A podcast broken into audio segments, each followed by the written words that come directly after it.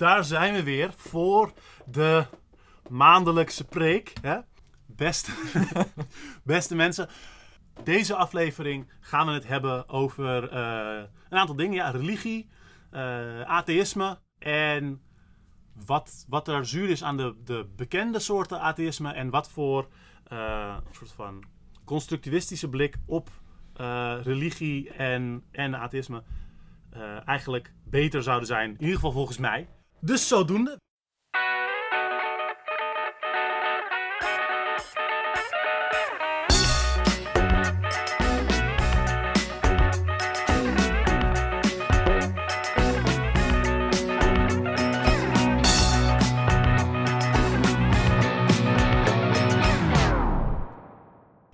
Ik weet niet hoe het bij jullie zit, of dat nog is, want her en der is het is het afgeschaft. Maar bij ons zijn er best wel wat alarmen afgegaan net. Dus volgens ons is het weer tijd om op te nemen. Ik ben Alex, naast me zit Hector. Ja. Hoe, hoe is het om zo de sirenes van dichtbij mee te maken? Ja, het was, ik was er dus niet van op de hoogte dat in de onderstroomstudio er gewoon permanent een sirene aanstaat. Het is een wonder dat die afleveringen er zo goed uitkomen qua audio als ze doen. Ja, nee, dat is, dat is allemaal gewoon. ehm, zeg maar, dat plakken we niet achteraf erbij of zo. Nee, nee, het is hier permanent een Gewoon soort live. Ja. Abu Ghraib ma- martelmethode huis. Deze aflevering gaan we het hebben over eh, een aantal dingen. Ja, religie, eh, atheïsme en wat, wat er zuur is aan de bekende soorten atheïsme en wat voor constructivistische blik op eh, religie en, en atheïsme eigenlijk beter zouden zijn. In ieder geval volgens mij. Ehm, en ik, eh, ik ben heel eh, blij om daar eens eh, om over te gaan praten. Eh, Hector, Ja. welkom. Leuk dat je er wil zijn. Ja, goed om hier te zijn. Wie ben je en Ja, hallo, ik ben Hector. een beetje voorstellen? Ja. Ik ben, eh, ik ben een onderstrooms resident religie-correspondent, I guess. Onderstroom veldprediker. En eh, ik, ben, eh, ik ben gevraagd, eh, omdat we het vandaag over eh, religie gaan hebben, iets waar ik marginaal meer van af weet dan Alex, maar ook niet heel veel. We weten vooral andere dingen. Ja, Ehm, maar het is, het is een onderwerp waar ik wel langer meer over, over wil. En de, de kans deed zich opeens voor om daar, eh, om daar snel iets mee te doen. Eh, dus ik ben heel blij dat je er bent. Dan kunnen we dat gaan doen. En eh, het, kan, het kan zomaar dat er wel nog een keertje iets over religie langskomt. En dan... dat de religie blijkt, best wel, blijkt dat het best wel pittig is om dat in één uurtje eruit te hameren. Hoe Ja. dat precies zit. ja, precies. Ehm, en het, het blijft ook, mensen blijven ook maar nieuwe dingen bedenken en zo. Nieuwe religies. Ehm, ehm, spoiler. Eh, dus het blijft, het blijft relevant. Ja, dus dat gaan we doen. Mensen weten misschien ook via die constructivisme-aflevering die ik eerder gedaan heb. Daar noemde ik religie ook al enigszins. En ik wou er eigenlijk een soort uitbreiding op doen. Ik ben dus zelf een soort van atheïst. Ik geloof dat er niet eh, bovennatuurlijke dingen zijn. En dat, eh, en, eh, dat er, voor zover er iets zou kunnen zijn dat we een God noemen. Waarvan ik over het algemeen zeg dat bestaat niet. Voor zover het wel zou bestaan, heeft het niets met onze moraliteit of onze zogenaamde ziel, voor zover dat zou kunnen bestaan, te maken heeft. Ehm, en dat vind ik leuk om daar, om daar iets mee te doen. En dat gaan we als op een volgende manier doen. We gaan het eerst soort van kort hebben van nou, wat, wat, wat is religie? Wat doet het eigenlijk? Waar lijkt het op en wat niet? en daarna gaan we het dan hebben over atheïsme, zoals dat soort van eh, bekend is. En een paar soort van problemen daarmee. Omdat atheïsme best wel geclaimd is door gewoon be- best wel gewoon een stelletje eh, eikels die heel populair zijn op het internet of geweest. Ja. Eh, je had zo'n zo'n stroom van, eh, van eh, bekende, bekende atheïsten op het internet. Eh, Dawkins, Harris, eh, een komiek als Tim Minchin en zo. Ehm, en, maar die doen daar soms eigenlijk best wel iets, best wel iets eh, stoms mee. Best wel zure rechtsliberalen. En dan doorgaan naar eh, wat ik eigenlijk een veel meer voor, voor de hand liggende cons- constructivistische blik op religie is. Ehm, maar die veel meer zeg maar, geeft van wat, wat kunnen we ermee en wat is een soort van eerlijke en nuttige manier om om te gaan met het thema religie. eh, en ook met een aanstoot naar zeg maar, re- religie en politiek. En hoe verhouden we ons daartoe en welke dingen zijn relevant op wat voor manier. En daar willen we in een latere aflevering ook verder op doorgaan. Dus dit is meer een soort algemene, soort van kader, kaderaflevering daarvan voordat het soort wat een later praktischer wordt. Is een beetje dat idee. Maar waarom willen we het hebben over religie? Jij, jij weet Ja. er marginaal wat meer over. Kun je- Zijn er dingetjes die, eh, die je kunt zeggen van wat, wat trekt jou eraan? Of wat is je... Nou ja, het, het blijkt dus dat sec- seculier zijn is heel populair hier in Nederland. Mhm. En wij zijn daarin heel erg de uitzondering. Historisch en cultureel. Ja. Dus goede kans dat als je naar onderstroom luistert, dat religie niet een hele grote rol speelt in jouw leven. Dat is wel bij bijna iedereen op de wereld wel het geval. Ja, Zeg daar. ja. Eh, en ook in Nederland zijn hele, heel veel mensen zijn religieus. Ehm, Oh ja, als en je- hebben als een je- bepaalde opvatting. En ook heel veel mensen zijn niet per se expliciet atheïst of zo. Heel veel mensen zijn dan iets van agnostisch of geloven er is iets, maar ik plaats me niet per se ergens en dealen dus wel met, zeg maar, we gaan wel zeggen dat iedereen heeft wel iets te maken met elementen die we vaak onder religie plaatsen. Maar ja, het speelt gewoon bij het merendeel van mensen overal een belangrijke rol. Ja, en, en zelfs al ben je heel seculier en atheïstisch, je kan er eigenlijk niet omheen om wat er nog over is van dat christendom in Nederland. Omdat het gewoon eh, meer dan duizend jaar de dienst heeft uitgemaakt hier, zeg maar. Like, in, op de, de flauwste versie daarvan is, nou ja, je viert nog steeds Sinterklaas en kerst of zo. Dat is, dat, maar ook, het zit ook nog wat dieper in de, Ja, in de cultuur. ja. in ehm, heel veel soort van eh, filosofie, zo'n alledaagse filosofie, van hoe mensen naar dingen kijken, zit heel vaak een ding in van een, een dualisme van lichaam en ziel. Ja. Of een soort van eh, ho- het hoofd en lichaam. Je bent, we zijn ons brein. Dat soort hele Ja. idee van eh, die, die scheiding daartussen. En heel veel dingen over, zeg maar, ehm, heel veel moraliteit is daar natuurlijk heel erg door geïnformeerd, et cetera. Eh, dus ja, de religie is heel, heel interessant. Maar dat is zeg maar voor onderstroom specifiek. eh, zeg maar, er zijn heel veel dingen interessant, maar, maar onderstroom heeft natuurlijk een bepaalde soort van eh, politieke eh, insteek en een praktische insteek ook. Dit wordt niet per se de praktische aflevering, maar er zijn wel bruggen naar praktijk te slaan. Wat ik, Ja, hoe start je nou je eigen religie? Dat ga je hier bijvoorbeeld, leren. bijvoorbeeld. En wat is de, zeg maar, fiscaal de beste manier om daar het geld naar, de, naar jouw rekening op de Canarische eilanden te krijgen? Eh, maar dat hoeft helemaal niet, want Nederland is gewoon een veel beter belastingparadijs. Yes! Ehm, nee, maar ehm, waar het, waarom ik het zeg maar heel, eh, heel interessant vond eh, en relevant om op onderstroom, in onderstroom te bespreken is omdat re- religie raakt aan heel veel eh, andere onderwerpen. Het is, ehm, het is een soort van terrein op zichzelf, maar het bevat eigenlijk heel veel van die andere sociale terreinen eh, in zichzelf. En daarom is het is wel een leuk soort mooi voorbeeld om over te spreken. Bijna als een soort van aquarium dat zo een beetje een soort van te, te scheiden is als verhaal. Ehm, en daarom, daarom is het leuk als voorbeeld, zeg maar, dus de gemeenschapsbouw in ideologie, Ja. identiteit. Dan dus ook meteen dingen als eh, racisme, klasse, gender. Ehm, en het, het gaat ook heel erg over hoe bouwen we gevoel. Wie voelt dat ze bij elkaar horen? Ehm, en wat doet dat gevoel met hoe we handelen? En ehm, ook dingen soort van arbeidsscheiding. En dan vooral op een soort van cognitief-emotioneel vlak. Ehm, omdat je bij religie natuurlijk heel specifiek professionele specialisten hebben die gericht zijn op het sturen en aansturen en aanmoedigen en vormen van hoe andere mensen hun persoonlijke spiritualiteit meemaken, et cetera. En daarnaast, religieuze organisaties zijn gewoon een hele belangrijke politieke factor overal ter wereld. Ehm, en dat is gewoon goed om daar over, over te hebben van hoe, hoe zit het in elkaar? Wat vinden Ja. we daarvan? Of wat, eh, hoe, hoe kunnen we daarnaar kijken? Hoe zit het dan met mensen die, zo'n, die wel bepaalde ideeën daarover delen of eh, geloven in dingen, ehm, maar tegelijkertijd dus eh, dan iets moeten met die politieke organisatie van hun geloof. En daarnaast is er ook binnen, binnen links, maar, vanwege de doelgroep, jij zei al, van nou, als je Ja. onderstroom luistert, is best een grote kans dat je zelf niet zo gelovig bent. Ja. Ehm, en dat is typisch voor zeg maar, de linkse radicale bewegingen. eh, omdat veel van onze denkers gewoon heel seculier waren.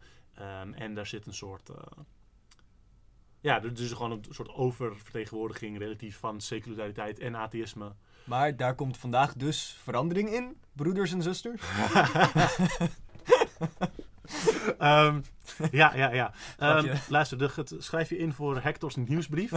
en, ehm, en dan krijg je, krijg je elke dag krijg je een, eh, een, een bespiegeling en een schietgebedje toegestuurd. dat, gaat, dat komt helemaal goed. En begin gewoon met een lichte instap. En binnen no time ben je gewoon al je geld door aan het sluiten. Ja. Naar, eh, ja, Het komt allemaal weer naar je terug, alleen niet als geld. Het komt naar mij als geld en het komt naar jou als eh lief, zegeningen. lief, liefde van Ja. eh, iets. Ja, ja, ja, ja. Stromen van zegen. Maar het is, het is ook goed om na te gaan van hoe, hoe, eh, hoe verhouden we ons tegenover religie, religieuze organisaties. Wat is daar te winnen of niet? Omdat, eh, heel veel, zowel atheïsme als dus heel veel religies zijn gewoon best wel onder de plak van rechtse, rechtse invloed. Rechtse Ja. personen, rechtse organisaties, conservatieve eh drive zit daarachter vaak.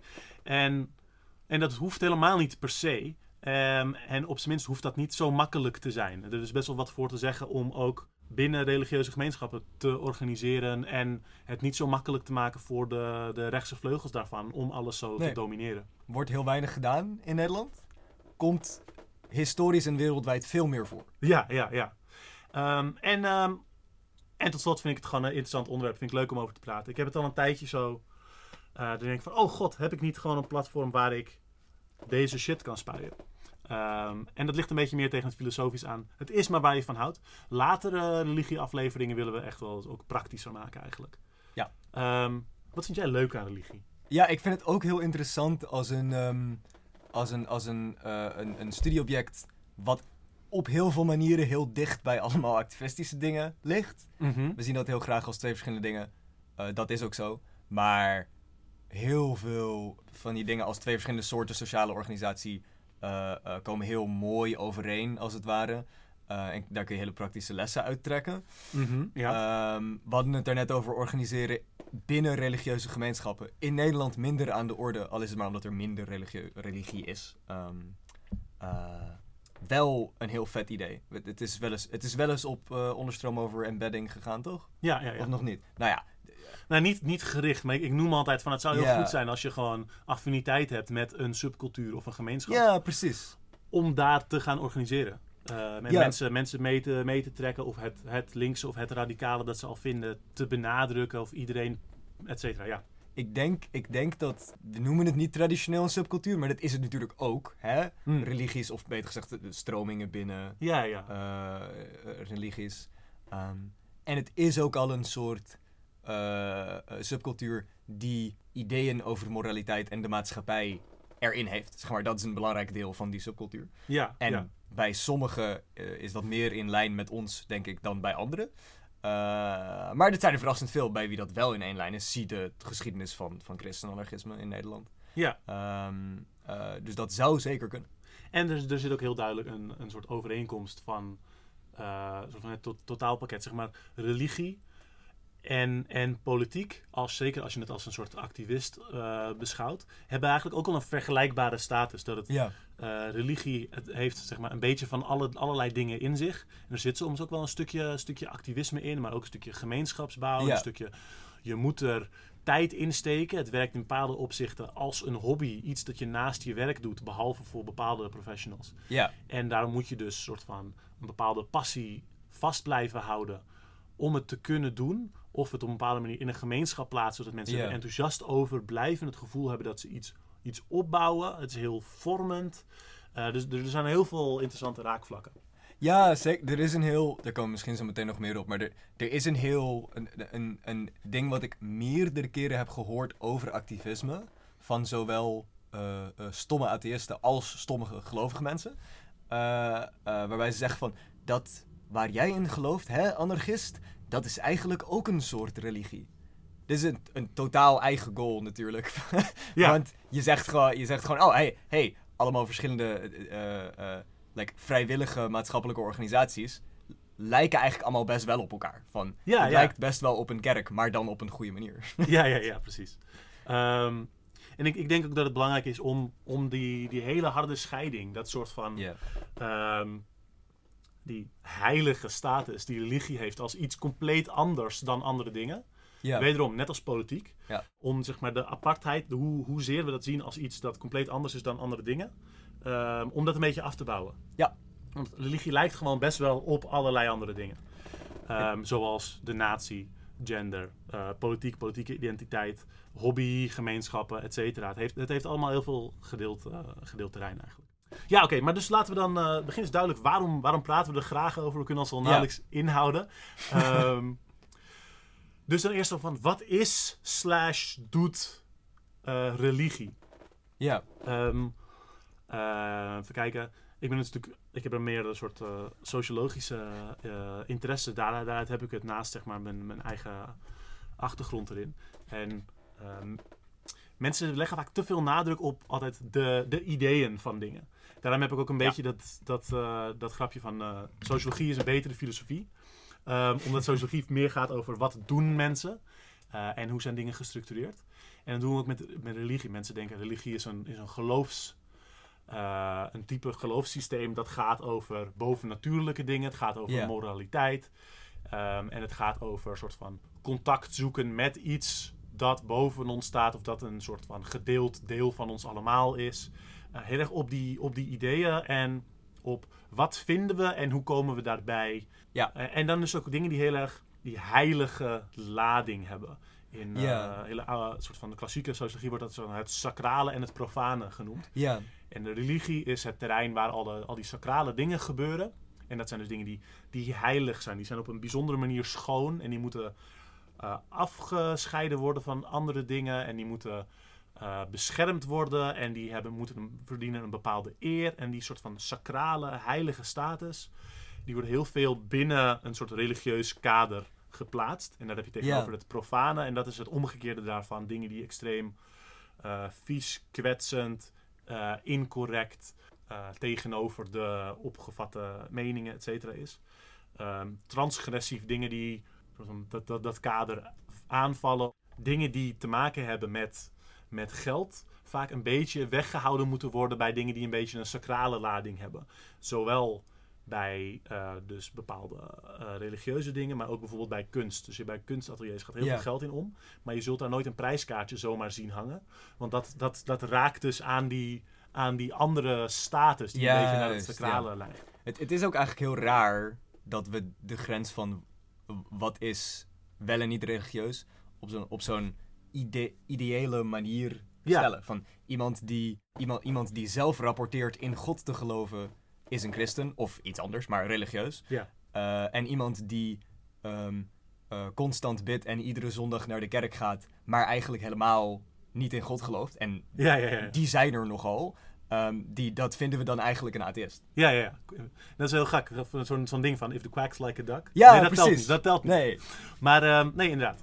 Ehm, en er, er zit ook in dat idee, voor mijn gevoel, in zeg maar religieuze eh, ideeën, net als vaak als spirituele ideeën, hebben, die va- hebben vaak zo'n randje van: dit ding, dit was bedoeld. Ja. Dit hoort zo.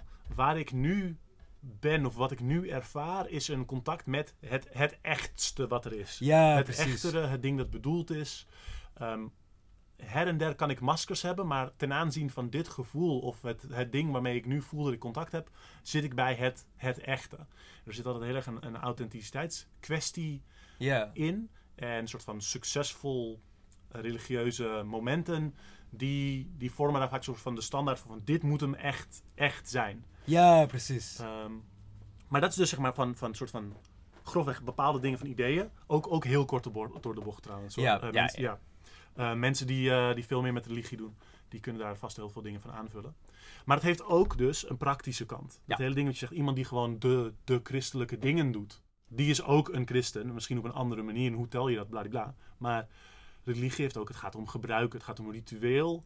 Ehm, vaak dingen met eh, opgelegde verveling of gestructureerde ademhaling. Heel veel verschillende religies ehm, en soort van spirituele of soort van gezonde gebruiken. Ehm, ongeacht de inhoud, hebben vaak een vergelijkbare situatie waar je lang met een aantal mensen samen ergens stil moet zitten. Zodat Ja. dat de geest een beetje rond gaat dwalen, maar je moet er doorheen. Je moet het, Ja. eh, je moet het maar doorstaan. En daarin komt er eigenlijk een soort, daalt er een soort rust in je hoofd. En je kunt echt over bepaalde dingetjes gaan nadenken die je belangrijk vindt. En het is dan heel onbeleefd om dan op je telefoon te gaan zitten. En daarom zit je lang genoeg stil met je gedachten Ja. om tot bepaalde dingen te komen. Ehm, en dus ook met gestructureerde ademhaling. Al is het, Ja. ehm, weet ik veel, eh, samenzang of in je eentje daadwerkelijk je adem sturen in een, in een stukje, stukje meditatie. Ja. Ehm, dat is eigenlijk, zou ik zeggen, allemaal, allemaal hetzelfde. Maar het zijn heel lichamelijke dingen die we doen, die ons eh, emotioneel sturen en die ons ook onderling, onderling binden. Ja. Ehm, en dat zit, ook, dat zit ook in eh, zo'n bepaalde emotionele ruimte. Vaak heb je als andere dingen die niet per se religie zijn, ook zulke dingen gaan doen met eh, samen stilzitten. Ja. Laten we allemaal wat rustiger ga een adem laten we praten. Ik zet ook nu een, een, stemmetje op om dat neer te zetten, dat er zo, zo bij hoort. Ehm, niet, niet om hier uh, zeg maar te doen alsof dat heel, heel uh, slecht is als je dat doet of nep. Maar er, er, er, hoort een soort register bij. Um, en dat heeft te maken met, met een soort van met rust of een soort Ja. spirituele, uh, spirituele soort sfeer waar je in terechtkomt. Dus Ja. een soort, soort een stukje emotionele ruimte, een terrein van emotionele ruimte, van sereniteit en et cetera. Waar je, waar je vaak in terechtkomt. En, en wanneer, ook als dingen niet per se in religie vallen, dan voel je vaak als je zo'n soort ruimte ziet, dat je denkt van, oh, dit wordt een beetje als religie. Ja, dit valt een beetje in dat terrein. Dat is ook trouwens heel breed, zeg maar. Dat is vanuit mijn ervaring nu. Heel veel religie heeft juist ook hele, eh, hele heftige, soort van veel meer moshpit-achtige sentimenten erin zitten, et cetera, et cetera. Dat is ook heel leuk, inderdaad. Ja, ja, ja. ja, Uh, dus dat is niet een absoluut ding, maar zeg maar in, in de context waarin ik nu, nu zit, is dat vaak iets wat je kunt herkennen aan, aan religie. Dat zit in heel veel. uh, Ja, en het, het is dus grappig dat heel veel dingen die we, als we het zo zeggen, associëren met religie, ehm, dat je als je eh, een, een beetje goed kijkt, dat je heel veel van die individuele bestanddelen ook ergens anders kan vinden. Jazeker, eh, ja. Eh, hoe, hoe ze het noemen, zeg maar, seculier mediteren of zo, Ja, is niet anders dan bidden op de manier dat sommige christenen het doen. Niet op de manier dat anderen het doen, maar ja. ehm, zeg maar eh, meditatie is ook een, een, een vak apart. Daar zijn Ja. ook zoveel vormen van. Ja, precies. Ehm, Maar ook bijvoorbeeld met, weet ik veel, eh, heel veel nationalistische rituelen. Eh, Ja. Hebben gewoon een heel vergelijkbare eh, structuur. Weet ik veel. Eh, als je allemaal samen op Prinsjesdag naar de speech van de koningin luistert. ja. Is, gewoon, is gewoon ook wel opgelegde verveling. Ja. Eh, dat is gewoon niet Ja. heel anders. Samen het volkslied zingen voor een sportding of zo. Ja. Ehm, dat samen hetzelfde ding zingen, zeker als je het lied kent en dat het vaker terugkomt, dat je er een bepaalde associatie bij hebt. Ja. Ehm, en dat je het ophangt aan zo'n ding waarvan mensen vinden dat je dat symbool heel belangrijk gaat vinden, zodat je een loyale burger wordt. Ja. Eh, met de vlaggen erbij en dat soort dingen. Ehm, dat raakt gewoon heel erg aan, ook aan die sacrale ruimte en dat gevoel van dit is bedoeld, dit is wat je echt bent. Ja. Zijn we niet ontzettend Nederlanders met elkaar? Het, het blijkt dus dat dit een effectieve manier is van mensen sociaal organiseren eh, rondom een bepaald doel. Ja, Daar kunnen we wellicht iets van leren. wel, wel, wellicht, wellicht. En dat is, dat is, ehm, en dat is zeg maar niet om te zeggen dat je ehm, een soort linkse, linkse cult of zo moet beginnen. Maar er, zit, er, zijn, er zijn bepaalde dingen die gewoon in heel veel eh, sociaal terrein zitten. Ja. Die ook in religie zitten. En religie heeft een bepaalde samenstelling daarvan, ons beeld daarvan vaak. Ja. Die heel veel van dit soort dingen heeft. En die, die ze ook inkleurt, waardoor je het ook herkent elders. Je denkt, oh, het is eigenlijk Ja. wel grappig. Het lijkt eigenlijk wel een beetje op een kerkding. Ja. En we noemen het al, al gemeenschap en en identiteit. Dus naast dat religie iets heeft met je ideeën en soort van je eh, praktische gebruiken, dingen die je doet, rituelen en zeg maar de, de emotionele, lichamelijke gevolgen daarvan, is het ook dus een, een sociaal iets dat gemeenschap bouwt, dat identiteit bouwt, dat ehm, je, je helpt vasthouden aan die dingen. En dus dat ook helpt om bepaalde banden aan te houden. En dat het moeilijker is om mensen die je eigenlijk met sommige dingen niet zo fijn vindt, of waar je een, een geschil mee hebt, dat je ze toch nog weer op zondag op de kerk ziet. En dat mensen, Ja. nou eh, Hector, je bent er nu toch, hè? Nou, we hebben een mooie dienst samen gehad. Kunnen jullie elkaar nou niet meer in de ogen aankijken? Het heeft helemaal van dit soort sociale, sociale functies, maar ook het bouwt gewoon identiteit. Mensen voelen zich bijvoorbeeld eh, eh, christen of Ja. moslim of eh, wat dan ook. Ehm, en, dat is, en dat is ook niet anders dan andere dingen, net als wanneer je geleerd wordt om je een bepaald, weet ik veel, hoe je je als mannen onderling moet voelen. Ja, hoe je als precies. Nederlanders of Amsterdammers dingen doet.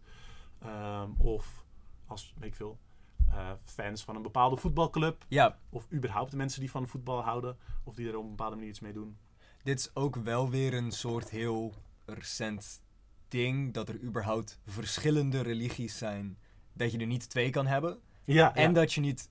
eh, en dat je zoiets kan zijn als seculier. Hè? Niet dat daar iets mis mee is, maar de, ehm, in de, de, de, de, voor-christelijk Europa wa- was het zo van: ja, je hebt, weet je, jij hebt jouw God, ik heb mijn God. Ze bestaan allebei, want natuurlijk, dat is waarom de zon schijnt en de wind waait. Hè? Het is heel dom om daar niet in te geloven, maar je mag, eh, je mag je- als je iets weer meer wil doen met deze God, dan is dat oké. en dan doe ik iets meer met deze God, Hm. zeg maar.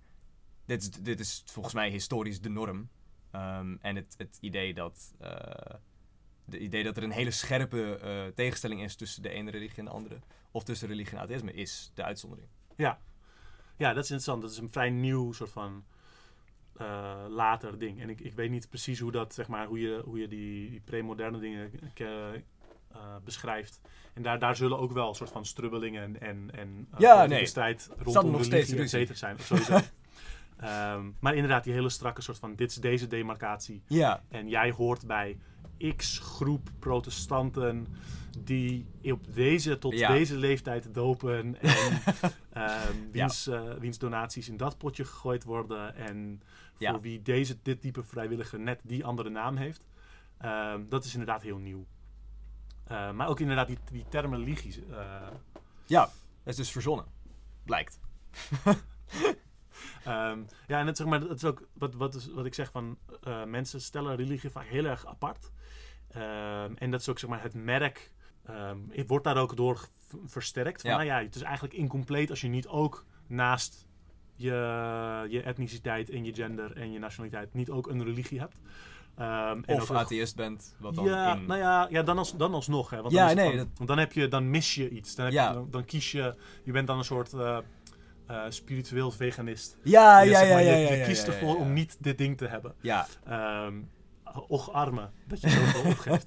Ehm, maar, ehm, maar dat is ook omdat dus daarvoor heel veel van die dingen veel minder soort van analytisch aan elkaar, uit elkaar getrokken waren. ja, En net als bij kunst trouwens. Wederom vind ik dan kunst heel erg lijken op, op religie in het soort term dat het is. Maar mensen hebben er vaak heel rare soort van eh, essentialistische claims over. Zeggen, nou kunst, dat is wanneer het zeg maar eh, objecten of dingen die, die mooi moeten zijn of geluiden, wanneer ze geen, geen functie hebben behalve het, het eh, ervan te genieten of zo. Ja. Ehm, en dat is of een heel ander soort definitie ervoor. Maar Ja. dat is eigenlijk, zou ik zeggen, eh, best wel een slechte, slechte benadering. Zeg maar, kunst is gewoon de dingen die we behandelen als kunst en de dingen die we kunst noemen. En mensen, zeg maar, er, er is een soort eh, organisering en een soort status van, een statusverschil dat bepaalt wie wat mag zeggen of niet als kunst en hoe, hoe belangrijk het is. Wie vindt dat iets kunst is vergeleken met iemand anders. ja. Ehm, en dat is hetzelfde ook met, met religie. Daarom heb je het hele ding van, ja, is het een secte? Is Ja. het een cult? ja. Of is het daadwerkelijk een religie? ja of, Eh, of, is het weer, of is het weer iets anders, zeg maar. Wat- Oh ja, ja, precies. Wat je, wat, je hebt heel veel dingen die, die niemand een, een secte, een cult of een religie zou kunnen noemen. Maar die als je er echt naar gaat kijken, Ja, met geen van drieën echt uit elkaar te houden zijn. ja. Dat is bijvoorbeeld een, eh, een, eh, een taal en een dialect of zo. Ja. Ehm, maar met, met kunst, dus zeg maar, kunst heeft ook zo'n zo'n soort emotionele ruimte waar het bij hoort. Kunst, Ja. dat zijn die dingen waarvoor je soort van er, erbij gaat zitten en er lang naar gaat kijken en dat het dan iets eh, met je doet. Of dat je, er, dat je erheen gaat om op een bepaalde manier in je, in je assumpties over dingen overvallen te worden Ja. en dan een interessante eh, ervaring te hebben over hoe je naar dingen kijkt. Ja. Ehm, Nog iets wat het gemeen heeft met religie. ja, ja, ja. Eh, maar dus ook dat dat het een vrij recente term is. Ehm, en, een, en dat er een industrie achter zit die dat, die Ja. zowel die term als die manier van doen neerzet. Terwijl die dingen die mensen doen, namelijk zitten bij iets dat ze mooi vinden, of dingen maken die ze mooi vinden, die iets uitdrukken van ideeën die ze hebben, Ja. eh, dat zit in heel veel dingen. Ehm, en dat zat het daarvoor al. Dat is niet uitgevonden met de term kunst. Vroeger zaten allerlei dingen die we nu kunst noemen, ehm, die zaten in allerlei andere dingen. Ja, zoals precies. eh, gewoon, ik veel, wat ze, wat ze craft noemen. Dus ambachten en gewoon andere soorten creativiteit. Ja. Ehm, en dat dat nu in kunst gevat is, betekent niet dat het niet daarbuiten gebeurt, nog dat, dat, eh, dat kunst echt iets bijzonders of anders is dan andere dingen. Net als dat je ehm, seculier kan bidden, en dat, wat, wat dan soms meditatie noemen of iets anders, kun je ook eh, buiten kunst om, buiten traditionele kunst, wat we zo noemen, Ja. eh, mooie dingen maken of de belasting ontduiken. De twee dingen waar kunst voor is. Ja, ja, ja. ja, ja, ja. Ehm, precies. Ja, en dus, en, dus, en, dus, eh, en dus dat. En ik denk, ik, eh, dat gaat wel een ding zijn dat terug, terugkomt meer van... Religie werkt gewoon niet zo heel anders als andere dingen. Nee. Ja. Oké, maar daar, daar komen we dus verder op, verder op terug. Want ehm, ik, ben dus, ik ben dus persoonlijk, wat ik zei, ik ben, een, ik ben zelf een atheïst. Ehm, en ik vind het heel interessant om over die soort van emotionele ruimte in religie na te denken. En ook om te kijken van wat, wat doen mensen daarin, wat doet het voor hen. En, en soms ook zeg maar, wat kan ik krijgen van wat zij neerzetten. Ehm, omdat ik denk dat daar, dat daar ook wel heel veel, heel veel waarde in zit. Ja. Eh, maar ik ben zelf een atheïst. Ik geloof niet dat, er, eh, dat die dingen waar zijn. Ik ben het oneens met mensen die, er, die wel in deze dingen geloven. En ik zeg, volgens mij is dat niet zo. Eh, maar whatever. Oh. En daar wou ik het over hebben. Maar dan wil ik het eerst hebben over zeg maar, waarom voor mij dat, dat atheïsme. En dan wat dingetjes die ik zuur vind aan de bekende atheïsten. Want het snijdt altijd een beetje. Ik weet niet Ja. of jij je zo noemt. En dat hoef je ook niet te zeggen als je het niet leuk vindt. Maar je hebt vaak met... eh, als je jezelf specifiek een atheïst noemt. Mhm. eh, of dat woord gebruikt. Dan word je meteen geassocieerd met die mensen die daarin zitten. En dat was Ja, rond de jaren nul of zo was dat een, een soort groter ding op het internet. Dat bepaalde van die lui ook heel po- populair waren. Ehm, en een aantal van hen waren gewoon echt wel, wel irritant en islamofoob. En heel erg soort van neerbuigend naar religieuze mensen op een manier die gewoon niet, bedoel, niet eh, terecht is. nou ja, ik, ik ben dus christen en eh, gelukkig als je dat zegt, hebben mensen altijd alleen maar hele goede assumpties. Ja, ja, ja. Want alle christenen historisch zijn altijd 100% goed geweest. dat is zo Dat is echt heel prettig. Ja, ja, dat ja, ja, beveel ik heel erg aan. Ja. ja, nee, precies. Maar goed, dan, daarom, dan vind ik het wel goed om er iets over te zeggen. Omdat ik vind het dus best wel lastig om wat voor mij een heel common sense redelijk atheïsme eh, te vinden. Om, zeg maar, de, de, de terrein daarvoor is zo, ja, gewoon volgezet met eh, vaak, vaak heel liberale en dan ook vrij rechtse of Ja. pro-kapitalistische eh, schrijvers die heel erg soort van vaak vanuit een soort van meer natuurwetenschappelijke basis hele venijnige, slecht onderbouwde sociaal-wetenschappelijke takes gaan nemen en spuien. Ehm, en daarin ook eh, gewoon hele slechte politiek uiten. Maar de mensen die eigenlijk daar eh, tegenin zouden gaan, die veel meer soort van links of radicaal seculier zijn, die, die gebruiken die term atheïsme ook niet zozeer. Nee. En die zijn daar ook vaak niet apart mee bezig. En weet je, fair enough. Eh, iedereen is heel druk. Dus er, er is ook misschien weinig ruimte om dat te doen. Maar ik, ik, vind, dat, ik vind dat lastig. Dus daarom wil ik er wel, wel iets mee om dat, om dat even te duiden. Dat soort van, wat is nou een makkelijk links atheïsme dat eh, niet ervan uitgaat dat atheïsten beter zijn dan andere mensen? Ja. En ik denk dat dat het gewoon heel, heel logisch en heel, heel, heel bazaal neer te zetten is. Dus dat, dat wou ik een beetje doen. Maar voor mij, voor mij in principe is dus is atheïsme is heel, heel simpel. Ik geloof dat die dingen niet bestaan. Ehm, en met die dingen bedoel ik dus bovennatuurlijke dingen en de ziel en iets dat van buiten de mensen af, zeg maar, eh, iets eh, van een, een, bewustzijn of een, eh, een entiteit die van buiten de mensen af een, een moraal neerzet. Ja. Ehm, en daar, daar zit het vaak. Zeg maar, als je met mensen praat, dan is een, dan is een, go- een goden en hun concept van God is vaak heel fluïde. Ehm, dus als je als seculier persoon of als atheïst met zo iemand praat, dan verschuiven de doelpalen vaak heel erg.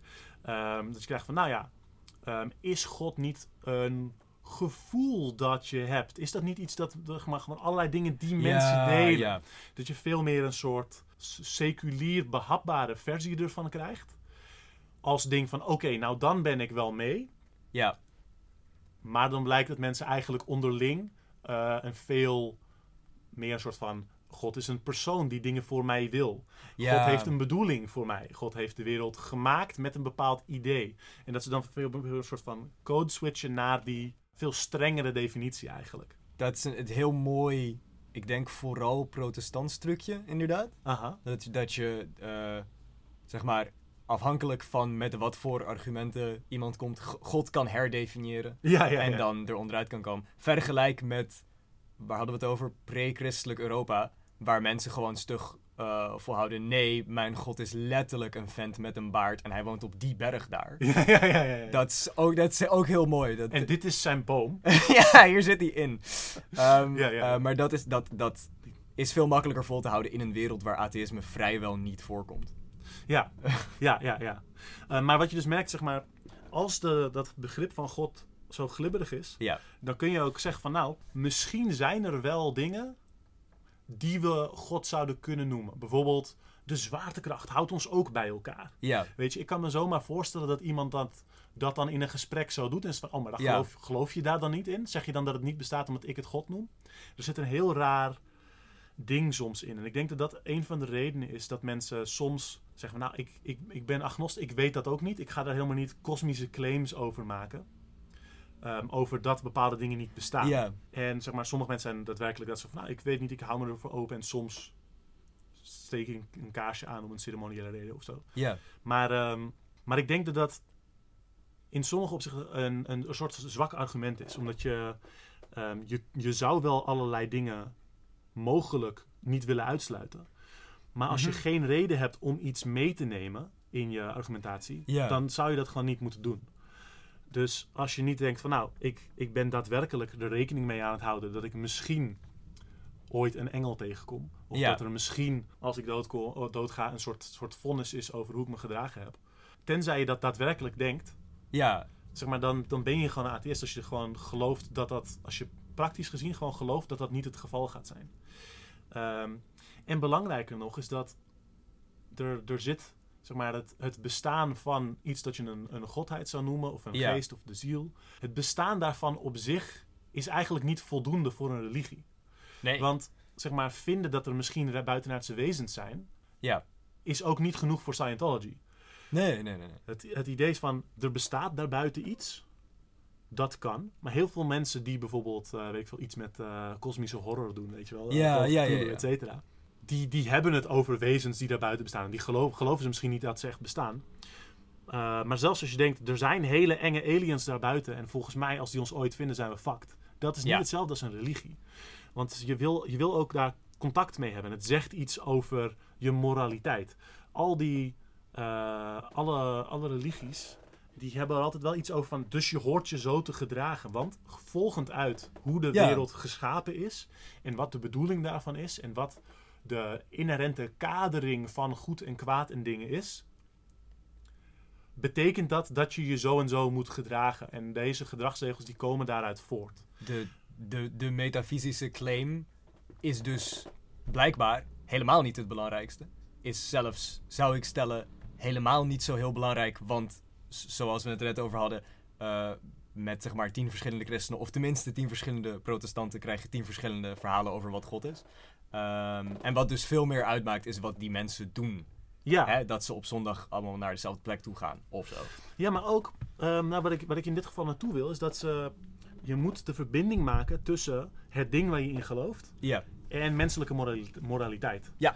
En dan, en dan zit je met een ding van, eh, daar kun je naar kijken. Je kunt kijken naar waar komt menselijke moraliteit vandaan. ja, En dan is er dus, als je gaat kijken naar hoe mensen zich gedragen, zie je dan of dat moraliteit gewoon is. En Ja. dat we dat niet echt kunnen verklaren, maar, want het komt voort uit iets dat we niet kunnen zien en niet kunnen eh, ontkennen.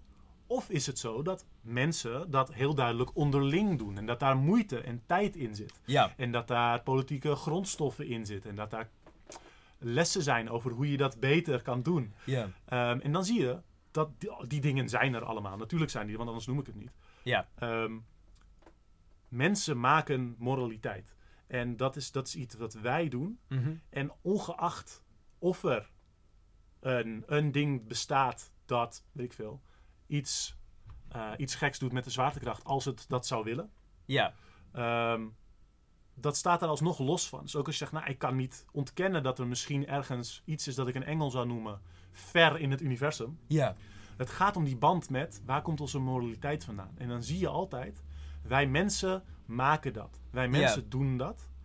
En ook de meest eh, soort van fundamenteel, soort van ik geloof in al deze dingen, die zijn altijd precies dezelfde dingen aan het doen eh, om dat sociaal bij elkaar te houden.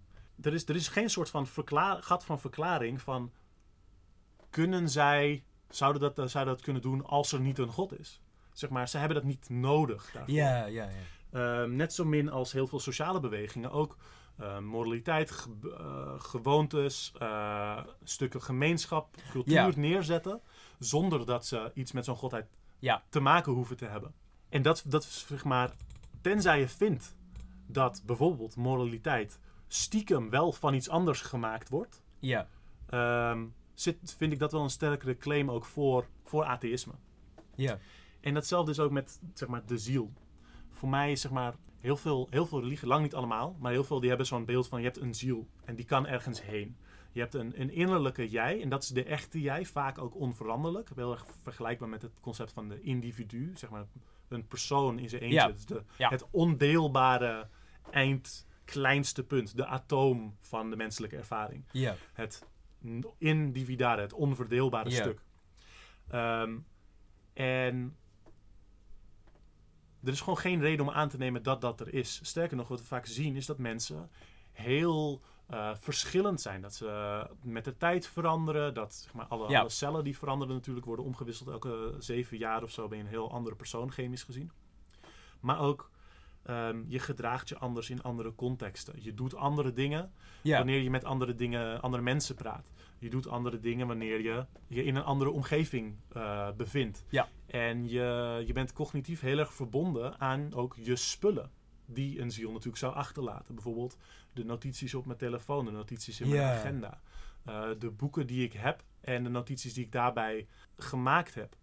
Eh, allerlei dingen die mij lichamelijk helpen. Zeg maar bijvoorbeeld tellen op je vingers. is eigenlijk een cyborg ding. Zeg maar je, Ja, je ja, ja, plaatst ja, een deel van je denkkracht in iets lichamelijks buiten je hoofd. Ja.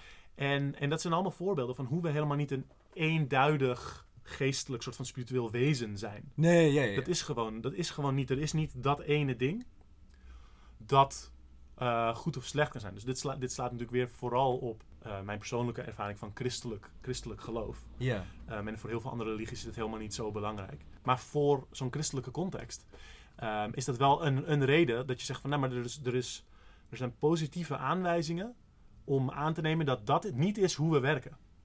Ja. Namelijk, er is niet één ziel dat je van binnen hebt, dat is je echte jij. En die verschijnt wanneer je geboren wordt en verdwijnt weer ergens heen wanneer je weggaat. Die continuïteit, die is er gewoon niet. Nee, nee, het, het, eh, het, het, eh, eh, het individu bestaat niet. Ook een heel goed argument tegen liberalisme. overigens. Oh ja, absoluut. en dat is dus grappig, want die dingen die zijn dus heel erg daarin, daarin verbonden. Ja. Eh, maar daarom zou ik dus denken dat veel, eh, veel agnosten die gewoon zeggen van ik wil een open mind houden, ik wil niet geassocieerd worden met arrogante atheïsten en ik wil ook niet per se ehm, een soort van een claim maken dat mensen die religieus zijn, dat zij minder slim zouden zijn omdat zij iets geloven dat, waarvan ik denk dat het niet bestaat of zo. Ik denk dat sommige mensen een soort van uit beleefdheid zich liever agnost noemen. En dat dat helemaal niet hoeft. Ehm, en dat het ook e- ergens een soort van henzelf tekort schiet. Of zo. Ja. Dus dat. Eh, maar dan, zeg maar, want het atheïsme dat mensen kennen, is vaak is eigenlijk vrij rechts en liberaal. Ja. Je hebt die stroming van dat, dat nieuw eh, atheïsme, dat zeg maar rond de noughties was. Eh, dat is toen bekender met dus, eh, eh, Richard Dawkins. Sam Harris was nog wel langer bekend. En een aantal komieken zoals eh, Tim Minchin. Ehm, die deden daar heel veel mee. Die presenteerden een atheïsme dat positief was. Een soort blijde boodschap. Eh, er was zo'n liedje, vond ik wel grappig. Was, ehm, eh, there is no God, so clap your hands together. There is no God, so ring that victory bell. en, dat was, eh, en dat was nog een, een soort van chiller liedje eigenlijk. Was nog wel, eh, ja, want toen dit begon, voor mijn gevoel, ja. was het niet heel radicaal, maar niet Nee. rechts. Nee, nee, niet per se. En dat is na een tijdje is dat heel erg gegaan. Dat je ook eh, die guy van, het, van een van zo'n Daily Show-achtig ding.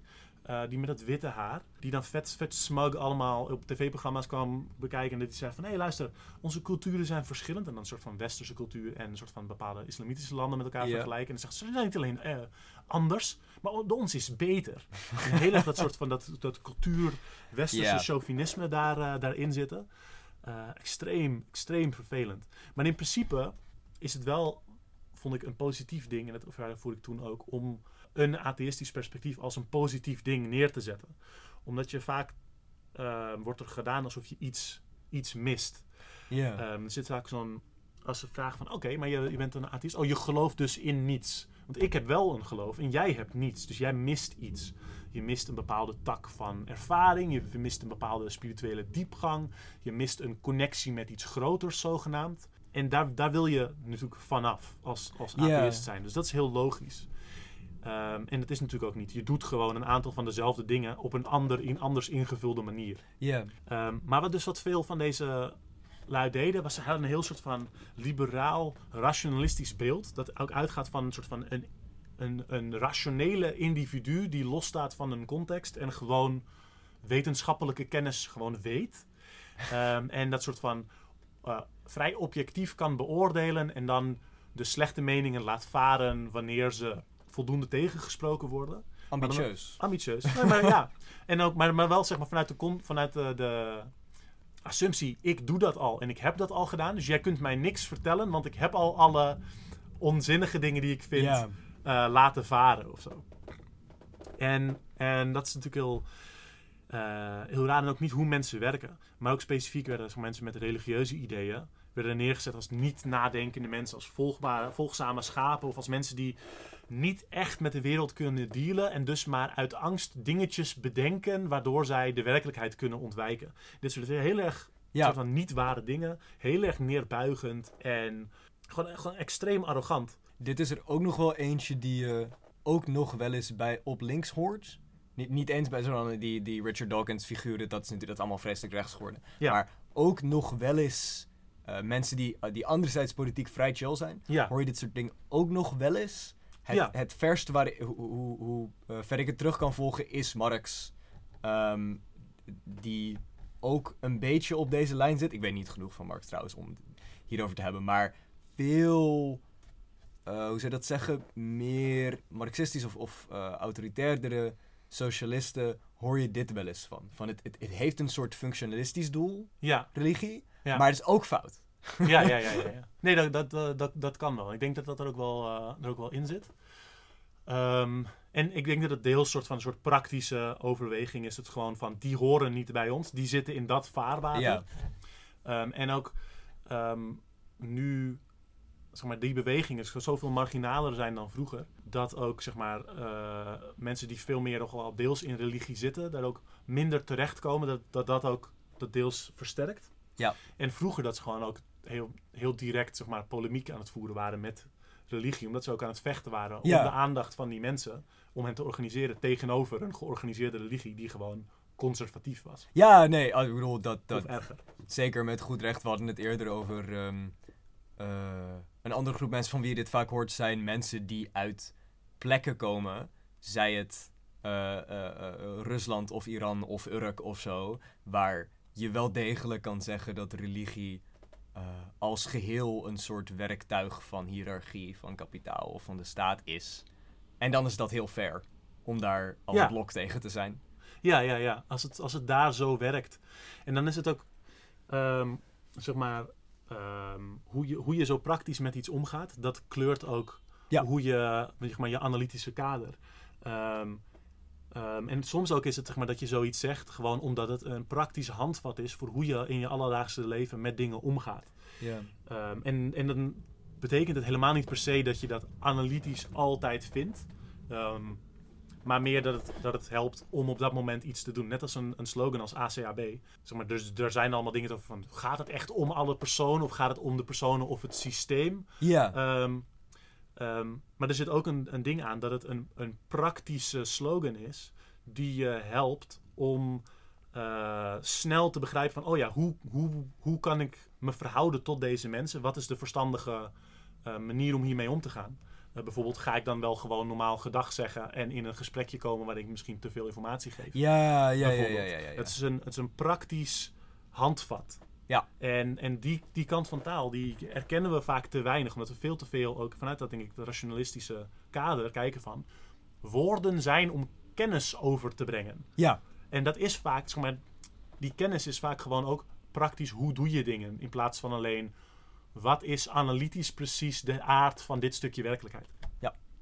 Anyway. Maar je hebt dus van die, van die onuitstaanbare atheïsten, die dus ook dat woord atheïsme voor mij de deels deels wel verpesten. Er was zo'n eh, grapje, las ik al. Iedereen die in eh, eind jaren 90, begin eh, jaren 0 of in de begin jaren... Ik, weet, ik kan die tijd nooit zo halen. Maar iedereen die in die tijd dat het nieuw atheïsme groot was... die toen een atheïst was... die vindt nu of dat, eh, ze verschillende rassen zogenaamd eh, niet met elkaar moeten vermengen. Of ze vinden dat de middelen van productie afgenomen moeten worden van Ja. de kapitalisten. ja, het- Ehm, en daar, daar zit best wel wat in. Als in er, zit niet zo, er is niet zo heel veel over van een nieuw atheïsme als beweging. Ehm, maar het is heel erg veel naar rechts getrokken. Ehm, en, maar veel van de mensen die erin zaten, die zijn er ook wel weer van afgestapt. Zeker als ze naar links gingen. ja het, is, het is maar net waarom je dat was in 2005. Als je dat was vanuit een soort... hey, het is heel zuur dat al deze religieuze mensen heel erg tegen feministische en queer dingen zijn. Vaak, niet allemaal. Ja, Eh, of als je het gewoon leuk vond om tegen dingen aan te trappen. ja, ja. ja. In die tweede groep heb ik trouwens ook sympathie voor, vind ik ook leuk. Maar ehm, een, een goed deel van die tweede groep zijn nu wel fascisten. Ja, ja, ja, echt wel. Echt wel. Het is ook maar Richard Dawkins, die, eh, ik heb een stukje van hem ge- gezien. En die, eh, die had toen een zo'n speech. En toen aan het einde daarvan kwam er een, een christelijke man, die was eh, daarbij gekomen. Die dacht, ik ga gewoon even luisteren. En die kwam er heel duidelijk om een bepaalde vraag te stellen. En dat was, dat is helemaal niet een heel soort van inhoudelijk ding. Het was van, nou, u zegt dat het allemaal slecht nep is, Richard Dawkins. U zegt dat er geen God bestaat, et cetera, et cetera. Oké, vet leuk. Maar ik baseer al 30 jaar loop ik met Jezus en baseer ik mijn leven daarop. En, en ik, mijn vraag is dus eigenlijk dit: van hoe, hoe kunt u zeggen dat, dat dat nep is, ja. terwijl ik daar mijn leven al zo lang op baseer? En ik Ja. zou dat niet doen voor iets dat nep is. ja. En dat is een soort van eh, een interessante manier om dat te, te, te formuleren. Ehm, maar wat Dawkins daarop antwoordde is van ja, ik heb verder niks tegen je te zeggen. Je, je hallucineert. Je hallucineert gewoon. Ja. En dat is gewoon wat het is. Ehm, en dat is eigenlijk een heel, heel rare, rare reactie. Want wat, waar, die, waar die, die man zeg maar, op richt, denk ik, was zeg maar, het feit dat hij in een levende eh, religieuze gemeenschap zit. En dat hij dat raakt. En dat hij een heel erg een oprecht gevoel heeft over deze dingen. En zeg maar, wat, wat is de, de echtheid daarvan en hoe werkt dat? Zeg maar, ik zou het niet een heel rare vraag vinden om gewoon een antwoord op te geven van luister, je bouwt dit op deze manieren en dit is door deze dingen die je doet, bouw je dit echte gevoel op. Ja. Maar dat betekent niet per se dat er in de hemel een persoon is die Jezus heet, die nu nog iets met jou doet. Of zo. Dat, dat staat daar los van. En je kunt dat heel goed begrijpen vanuit de praktische dingen die nu in jouw leven zijn, ja. dat dit gebeurt. Het, het zijn heel erg twee beelden van religie die langs elkaar heen praten. Hè, Ja. waar, waar we het net over hadden van het, het punt dat die man maakt, wat ik best wel sterk vind overigens, Mhm. is: hey bro, dit werkt best wel goed voor mij. ja, ja. Waarom moet je daarop haten? En, eh, eh, en, en Richard Dawkins komt dan terug met: eh, wat is het? Nou ja, je kan helemaal niet bewijzen dat God bestaat. Hè? Wauw. Ehm, maar dat is helemaal niet de claim die wordt neergezet. Eigenlijk. zeg maar, zeg maar half-half. Zeg maar, Ja. het is, er zit zeg maar, van die, van die man, is het, is het echt? Ja. En hij gelooft dat. Dus daar, daar zit dat ding in. Maar, ehm, maar hij, hij scheert ook tegen dat andere ding aan, inderdaad. Ja. Ehm, ja, dus er dus, er zit ook zeg maar, in elkaar dat ingepakt. En dat is ook wel typisch iets dat denk ik wel vaak gebeurt. Maar wat er zo analytisch zo fout aan is, want dit soort dingen zit vaak bij, bij Dawkins, zeg maar, dat is een, een soundbite. Maar ik denk dat het wel vaak in dat, dat soort van liberale atheïsme zit. Dat er een, eh, zo'n beeld is van, je hebt een, een liberale opvatting van de mens als individu. En die kan rationeel zijn. En hoe rationeler, eh, hoe beter. En, en dat doe je door ehm, ja, je bent dat gewoon. Je hebt dingen over wetenschap geleerd en je bent westers. En dan krijg, je, dan krijg je dat gewoon mee. Dan ben je dat als persoon, ben je dan rationeel. En misschien leer je iets over drogredenen, zodat je kunt zeggen, nou, dit, is, dit zijn allemaal niet hoe we dingen re- re- redeneren. En daar komt dan, dan blijft daarover echt goede redeneringen en waarheid. Ja. Ehm, en, en dat is ook zo'n ding in van, kijk, ik geloof niet dingen, ik ken feiten. Ehm, een beetje een soort van mainlining knowledge, zo straight into the vein, zo but. Ehm, en, dat, eh, en dat is gewoon niet hoe het werkt. Nee. Dat is gewoon niet hoe het werkt. Zeg maar, ik ben atheïst en ik geloof ook dingen als in, ik denk dat dingen waar zijn. En ik heb niet, niemand heeft een directe verbinding van de buitenwereld, waar dan dingen bestaan, naar zeg maar mijn bewustzijn daarvan. Dat, dat bestaat gewoon niet. Net als bij, bij religieuze mensen, heb je bij eh, seculiere mensen, en gewoon ook zeg maar, buiten het religieuze veld, geldt dat gewoon altijd voor iedereen. Je krijgt informatie via allerlei bronnen. je, je pikt dat op in je waarneming en die is selectief. En die plaatst dat binnen kaders die je al aangeleerd hebt. Ehm, en die kaders die kun je proberen samen een soort van aan te passen. Maar dat is best wel veel moeite, veel gezeik. Daar ben je mee bezig. En de, de sturing daaraan is ook niet objectief. Dus je bent altijd eh, een soort van sociaal die kennis aan het neerzetten. En een, in die zin, zeg maar, is een Dawkins is niet minder aan het hallucineren dan Nee. die religieuze persoon. Hij hallucineert alleen andere dingen. En dat betekent niet dat alle dingen die je zou kunnen, als het ware, hallucineren, dat die gelijkwaardig aan elkaar zijn of dat die even goed zouden zijn. Maar het werkt wel op dezelfde manier. Ja, het, het is een heel liberaal ding. Als in het is ook, los van atheïsme, is het ook eh, inherent aan liberalisme, zelfs aan religieus liberalisme, een soort heel eh, stom ding van niet alleen hebben wij gelijk, wij zijn ook de enige mensen die hoofdletter R rationeel zijn. Ja, ja, ja. Jij hebt niet alleen ongelijk, je kan niet eens nadenken. Ja, ja, ja. En eh, dat heeft ook, tenminste met dat atheïsme, een beetje de, het atheïsme van, van Dawkins Ja. bijvoorbeeld. Eh, de pijnlijke implicatie dat dus de kleine subset mensen die goed kunnen nadenken ook alleen in het Westen bestaan. Ja, ja, ja, keihard.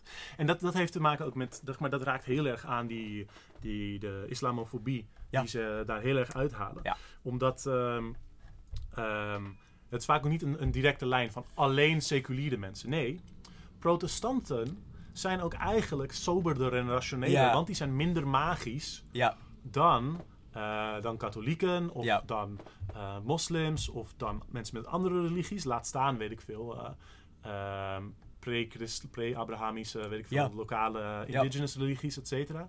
Zeg maar, hoe magischer, hoe, hoe slechter zogenaamd. En, en dan krijg je dus ook bijvoorbeeld dus die... dat, zeg maar, dat, dat, de, dat westerse, wat meer dat seculiere heeft, als superieur wordt gezien. Ehm, en daar, dat daar heel soort van naar protserig eh, mee wordt gedaan. En dat het dus heel direct een verbinding ook heeft met racisme. Ehm, omdat gewoon toevallig je dan maar direct kunt herkennen dat eh, witte mannen in pak dus de slimme zijn altijd. Ja. De rationele.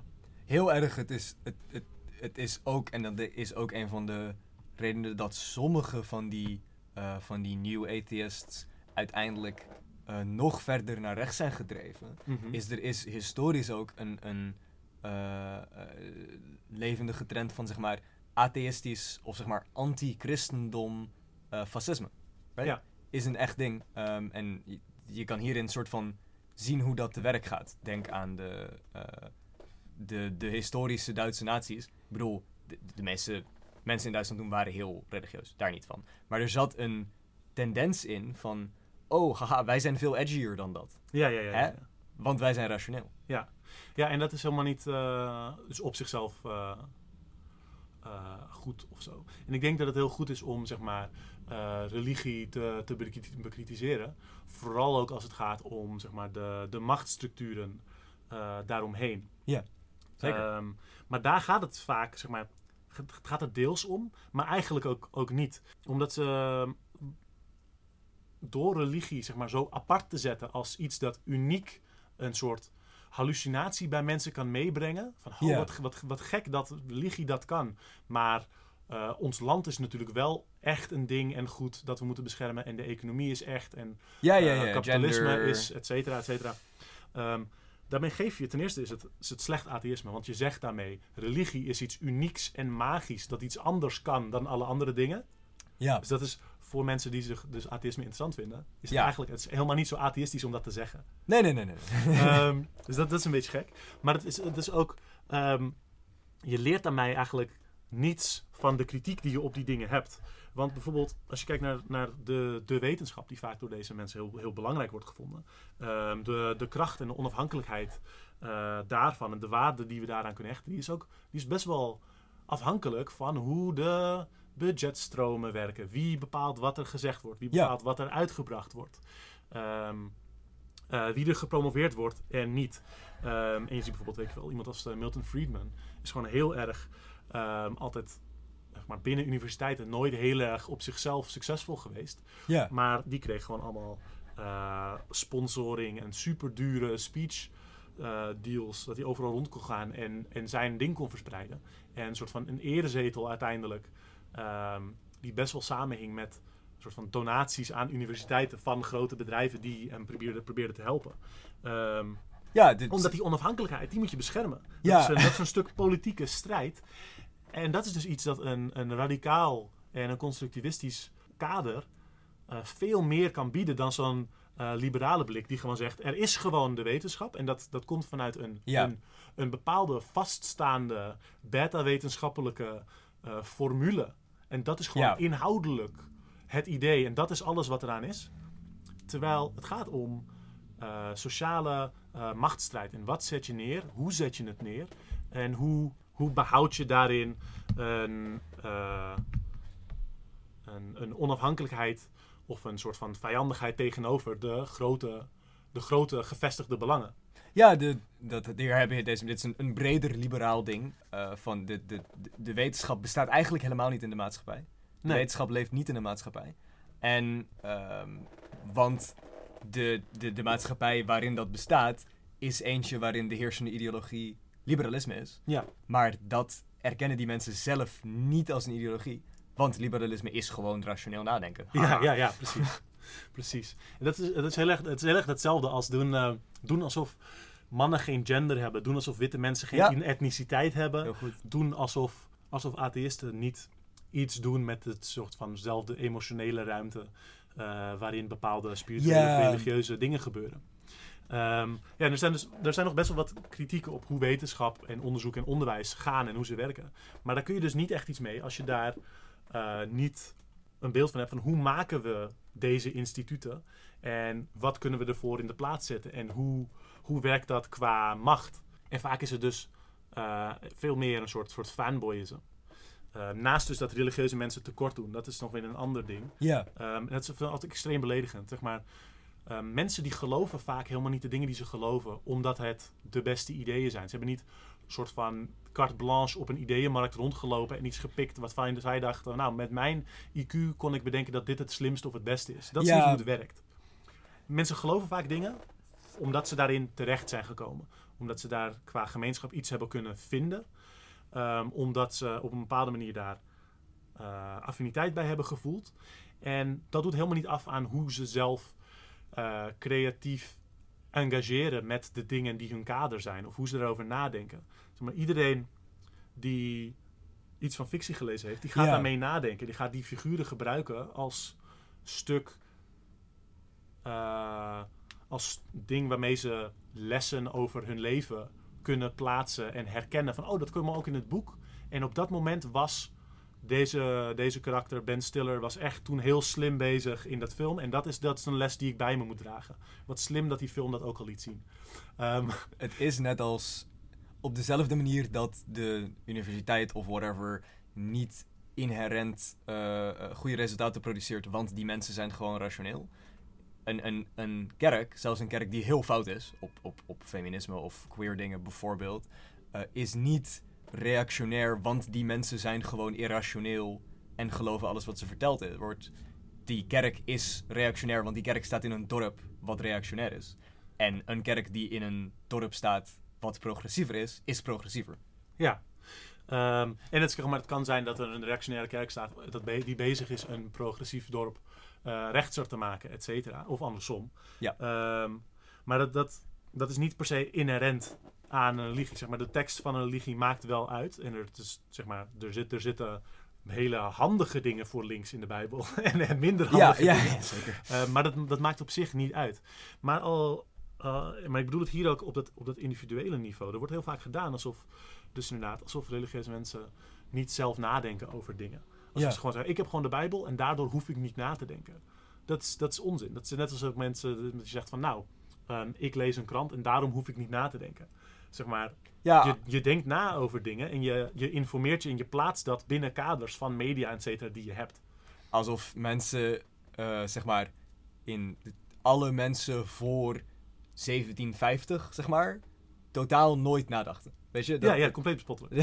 Ehm, en, en zeg maar heel veel eh, mensen die gewoon heel, heel serieus met religie bezig zijn en dat, en dat geloven en oprecht, die zijn gewoon daar heel eh, intelligent zelf mee bezig om, om daar dingen uit te halen, om daar eh, hun, hun leven eh, zin mee te geven. Ehm, en die kunnen er ook vaak heel praktische lessen uithalen. Want heel veel dingen in de Bijbel lijken gewoon best wel op bepaalde, weet ik veel, zelfhulpboeken, et cetera. Ja. En als je daar met mensen over praat, ook in de context van, nou, wat voor problemen ervaar jij dan? Nou, poeh, Job, die had dit en dit meegemaakt. Ja. Dus, ehm, zeg maar, in zo'n context en ook de ingebed zijn in een, in een, enigszins in een gemeenschap, waar je het dus ook over dat soort dingen kunt gaan hebben, ja. dat heeft gewoon, gewoon waarde. Op dezelfde manier dat, weet ik veel, over je problemen praten soms makkelijker gaat als je er een paar tarotkaarten bij legt. Als mensen dat leuk vinden. Ja, heel goed. En Ja, dat, is, dat, is, zo- dat wordt zo negatief eh, soort van gedaan alsof dat niet... Het is gewoon een middel dat je helpt om bepaalde interactie te sturen. Maar het zet niet je hersenen uit of zo. Nee, het, het, is, het, het, het, het, is ook zo dat ehm, voordat dat eh, in Europa atheïsme een ding was, niet dat er iets mis mee is, maar in de, in de middeleeuwen, zeg maar, er waren genoeg mensen die het eh, niet eens waren met het dogma van de kerk of van hun kerk. Ja, Uh, alleen waar dat vaak toe leidde is als het succesvol was, stichten die mensen hun eigen religieuze groep. Zeg maar, we- er werd er is inherent, eh, inhoudelijk veranderde er van alles. Denk aan de, de Kataren of de, de Diggers daarna. Ehm, maar ook eh, zeg maar, eh, arme, arme bedelbroeders. Ja, begijnen in Nederland. Ja. Ehm, eh, eh, alleen dat ene feitje van in God geloven of iets met de Bijbel doen, zelfs al is dat iets totaal anders, dat bleef consistent, want dat was Ja. grosso modo door de hele maatschappij zo. Dat is dus niet het belangrijkste ding, zoals we het Nee. over. Nee, inderdaad. Je, hebt, en je had toen ook zeg maar, gewoon gigantische boerenopstanden en van andere mensen die gewoon daar, daar heel, eh, ook vaak heel radicaal mee bezig waren. Ja, coole, gave boerenopstanden. Ja, niet ja, zoals wat andere boerenopstanden die ik zou kunnen noemen. Nee, nee, precies. Ehm, maar inderdaad, dat, dat religieuze kader, dat, dat stuurde bepaalde dingen. Maar dat betekent niet dat mensen er niet inderdaad eh, eh, mee bezig zijn. Of, en ook dat ze dat, weet ik veel, dat ze niet daarnaast gewoon met andere dingen ook bezig zijn. Ja, Ehm, en dat, dat is gewoon heel, heel zuur. En dat, dat zijn dingen waar we ook denk ik vanaf, vanaf moeten. Ehm, ehm, ten eerste omdat we kunnen leren ja, van religieus organiseren. Ten tweede omdat we ook met religieuze eh, mensen willen, willen organiseren. En heel veel van hen hebben ook, eh, zien ook dat er van alles misgaat in de wereld en willen die beschermen. Juist ook vaak veel. Eh, omdat, weet ik veel, bijvoorbeeld in, in heel veel religies zit er ook een ding van... je moet goed zorgen voor je omgeving. Wij zijn verantwoordelijk voor de wereld als mensen. En daar kun je wat van vinden of niet. Maar, maar dat, dat kan gewoon heel erg helpen. Je, je ziet dat, dat, eh, dat sommige mensen dat ook echt doen en serieus nemen. ja. Ehm, en het is gewoon heel zonde om dat weg te zetten. eh, ofwel omdat je atheïsme te, te arrogant is, of omdat je geen, geen brug daarmee wil slaan of zo. Ja, ja zeker. En daarnaast dus ook, als je, als je, dat, als je dat begrijpt wat religie doet, dan is het ook makkelijker. En ook zeg maar, daar zelf, zelf een, een idee van hebt en kunt praten met mensen ehm, eh, op sympathieke toon over hoe werkt dat dan en wat, eh, hoe, hoe gebeurt dat. Ja, Dan is het misschien ook makkelijker om een antwoord te bieden voor religieus geïnspireerde, conservatieve of reactionaire politiek. ja, Ehm, dan kun je kijken van oké, hoe kunnen wij onze boodschap eh daar tegenin zetten? En hoe Ja. kom- zorgen we dat dat komt bij mensen die anders misschien proactief reactionaire dingen gaan doen? Ja, er, er is, je moet eh, alles wat niet inherent eh, reactionair is, gaan reactionaire proberen om reactionair te maken. Ja, En we moeten alles van ze afpakken. precies. Precies. En dat is, eh, en dat, is dat, zeg maar, die, die, die organiseerrichting. Eh, dat, is, dat is sowieso iets dat we veel meer eh, moeten doen. We moeten gewoon herbouwen. Heel veel dingen zijn ontlinkst. En de zeg maar, linkse radicale beweging in Nederland, ehm, in sommige opzichten grijpt, trekt het weer een beetje aan. Ja, Maar sinds eh, midden van de, van de 20e eeuw is dat gewoon heel erg afgekalfd, ingestort, verkleind. En we moeten gewoon heel veel dingen gewoon herbouwen. En daarvoor is het dus ook belangrijk. En ik denk dat wel uitkomen voor je atheïsme op een betere manier eh, en daar open over kunnen zijn, ehm, ook tot be- betere samenwerking kan Ja. leiden. ook dat moet je ze niet laten hebben, zeg maar. Nee, precies. Ook dat, sowieso. Nice. Oké, dus, maar daarom denk ik dus vanwege zeg maar, de, al, deze, al deze problemen en ook het, het liberalisme daarvan, dat het goed is om eh, in ieder geval deze aflevering beeld te zien van er is, een, er is een andere manier om met atheïsme en seculariteit om te gaan. Eh, en dat, dat, daarmee moet je denk ik uitgaan van dat, van dat soort van constructivisme en het, het punt dat mensen niet een individu zijn, maar dat we sociale wezens zijn die samen elkaar maken, zeg maar. En daarmee dus ook die onderkenning dat mensen vaak gewoon door sociaal toeval, gewoon van waar ze terecht zijn gekomen, dingen geloven die ze geloven. Ja. En ook om te onderkennen dat het voor jezelf ook zo is. Ehm, zeg maar, ik ben zelf, toen ik, toen ik opgroeide, vanaf het moment dat ik een soort een politiek besef had, ben ik eigenlijk altijd zeg maar, naar links en radicaal toegeschoven zonder een specifieke achtergrond daarin te hebben of zoiets. Maar dat, dat, dat heeft me altijd aangetrokken. En religieuze dingen eigenlijk niet. Ehm, ik was al heel vroeg dat ik gewoon erg voelde van, ik vond, dit is hem gewoon niet voor mij. Ja. En daar, waar dat vandaan komt, ja, dat weet je ook niet. Maar dat, zeg maar, ik heb niet uitgekozen van, oh, dat linkse, dat is goed voor mij. Daar heb ik altijd, ben ik soort van gewoon maar in, in beland. En ik denk dat dat deels is omdat je gewoon bepaalde invloeden meekrijgt. En dus in die zin ben je georganiseerd Ja. daartoe door je Helemaal. omgeving. En het, het is ook überhaupt omdat je in Nederland woont, dat bepaalde politieke of zelfs maatschappelijke groepen om lid van te zijn, zijn een optie, right? Ja, En als je in, als je in Angola geboren was, was dat niet zo. ja had je andere dingen, maar... Ja, ja, Ik denk dat het belangrijk is om, om los te laten dat het je, je eigen verdienste is wat je precies gelooft. Ja. Laat staan om je, je daarom te zeggen, oh, wat, wat ontzettend rationeel of goed ben ik, of zo. Ja. Ehm, ik denk dat het een heel basisding is, maar ook dus heel erg ervan uitgaan dus dat mensen die andere dingen geloven, dat dat niet hun hersenen uitzet of zo. Maar dat zij, te begrijpen dat ze daar heel serieus religieus mee omgaan. Dus bijvoorbeeld dat mensen vaak een, een, een dag, mensen die heel religieus zijn, die hebben vaak een soort een dagboek met allerlei spreuken om te overdenken.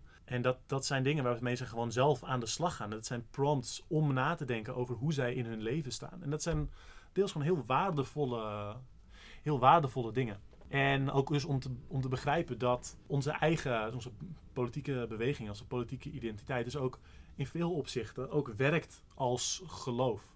In de zin dat ehm, er, er zijn overtuigingen waar we soms dingen ons sterker over voelen en soms minder Ja. sterk. En hoe we dat voelen, dat ligt ook aan hoe we met elkaar omgaan. En waar we dat in kunnen plaatsen. En dat het dus waarde heeft om een soort van specifiek politiek radicale eh, of anarchistische of wat dan ook cultuur te hebben. En om een situatie, een beweging neer te zetten waarin we daarover met elkaar kunnen praten. En ook kijken van hoe, hoe werkt dat van jou? Hoe doe jij dat nou? Wanneer voel jij je gesterkt en wanneer niet? Wat, hoe kunnen we dat voor elkaar aanmoedigen? Ehm, en ik denk dat dat ook raakt, raakt bijvoorbeeld aan dingen van duurzaam activisme en niet elkaar een burn-out inwerken of Ja. terechtkomen in projecten waar we eigenlijk geen, die soort van niet zozeer de zin van voelen. ja, heel erg. Ehm, en ook eens om te zien van, oké, kunnen we elkaar ook rust geven? Of kunnen we dingetjes doen waarmee we kunnen, eh, samen kunnen, kunnen ontspannen, maar ons soort van gemeenschappelijk verbonden voelen met deze mensen waarmee we deze waarden delen. En dat betekent niet dat het heel erg een, een religieuze vorm hoeft te hebben. Eh, maar het is wel interessant om te kijken van, kunnen we onszelf hiermee sterker maken in die strijd? Want onze motivatie is een strijdterrein. Ja. Eh, want voor onze beweging, mensen die hier dingen voor willen doen, vaak vrijwillig, ehm, of in ieder geval met, met risico of tegen een, een grote soort van algemene sociale mainstream in, ja, dat is gewoon het, waar, het waardevolste dat we hebben en het belangrijkste. Eh, en dat is iets waarvoor, waar we voor moeten zorgen. En iets dat we willen, willen behouden en uitbreiden. En we willen dat mensen die, het, die heel erg bezig zijn met de goede dingen, namelijk onze bewegingen opbouwen, strijden voor een betere wereld, dat zij elkaar kunnen laten voelen dat ze goed bezig zijn, wanneer ze dat zijn. ja. Ehm, en dus ook daar kritiek bij inbouwen, et cetera.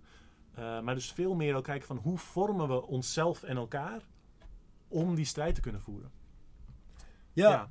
Ja, het, het is, we, zijn in, we zijn in zekere zin zo vervreemd of eh, geautomatiseerd eh, van elkaar dat, dat hele basale dingen die iedere gemeenschap, religieus of niet, heeft om gewoon te kunnen functioneren. Mhm. Zoals bepaalde rituelen Mhm. die wel een praktisch nut hebben. Hè? Mhm. Dat, dat mensen dat zien en zeggen, oh haha, je bent eigenlijk een soort religie. Het is niet per se, die dingen zijn niet per se religieus. Dat zijn gewoon kenmerken van een, van een gemeenschap van mensen die in een ding geloven.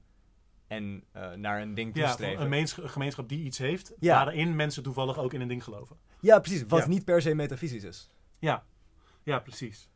Ehm, ja, en dat is ook je noemt ook die, die atomisering. Ja. Dat heeft dus ook mensen niet gelijk, gelijkwaardig geraakt.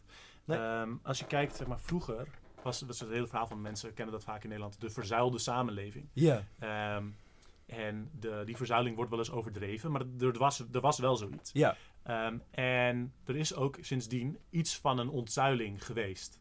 Ja. Maar dat heeft niet iedereen evenveel geraakt. Bijvoorbeeld de sociaal-democratische of de rode zuil Ja. eh, is extreem veel meer afgebroken dan de rest. Ja. En dat heeft ermee te maken dat zeg maar, de sociaaldemocraten hadden een soort progressief-liberaal, staatsgericht idee. Ze zeiden al die zuilen gewoon weg. En dat komt gewoon als deel van de algemene Ja. organisatie van de werkelijkheid. Omdat ze gewoon niet radicaal genoeg waren.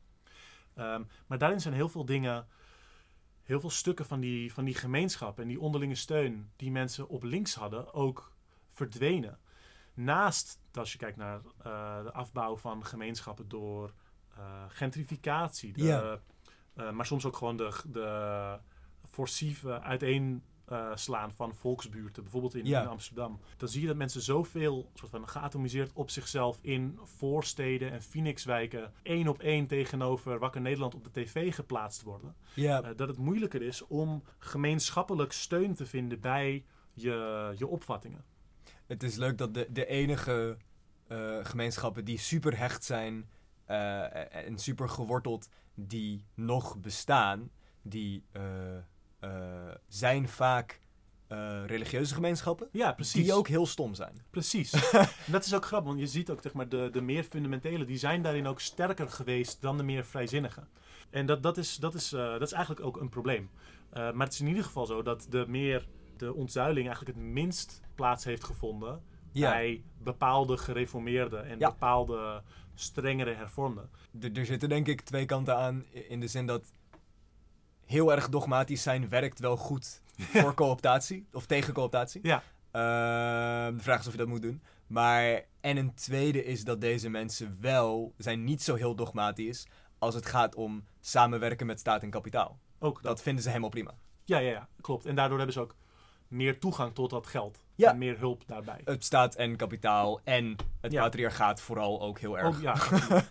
absoluut. En dit zijn, dit zijn allemaal eh, problemen. Maar er zit wel een, een ding in van sociale weerbaarheid. Wat je Ja. ook ziet is dat bijvoorbeeld, ik, ik noem wel eens ontlinksing. Maar die heeft eigenlijk bijvoorbeeld bepaalde communisten meer geraakt dan anarchisten.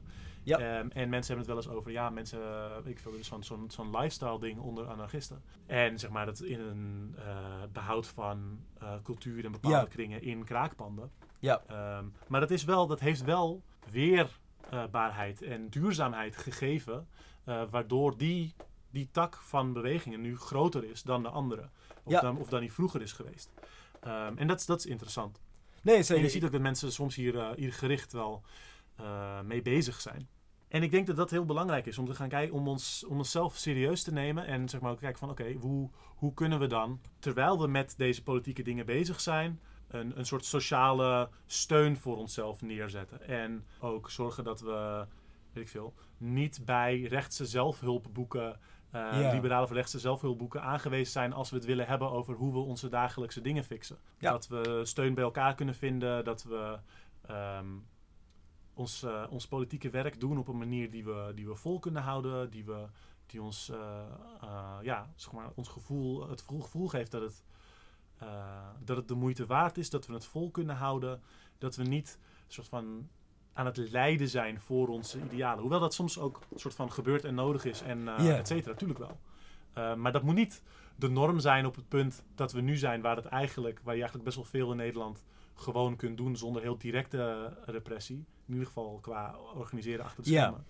Als we dan al zo in de problemen zitten qua, qua volhouden en, en, en duurzaamheid, is dat gewoon echt wel een probleem. Ehm, en ik denk dat we daar bepaalde dingen ook wel vanuit, vanuit religie kunnen, kunnen leren. Naast dat we gewoon beter willen omgaan met religieuze mensen en hen kunnen eh, organiseren.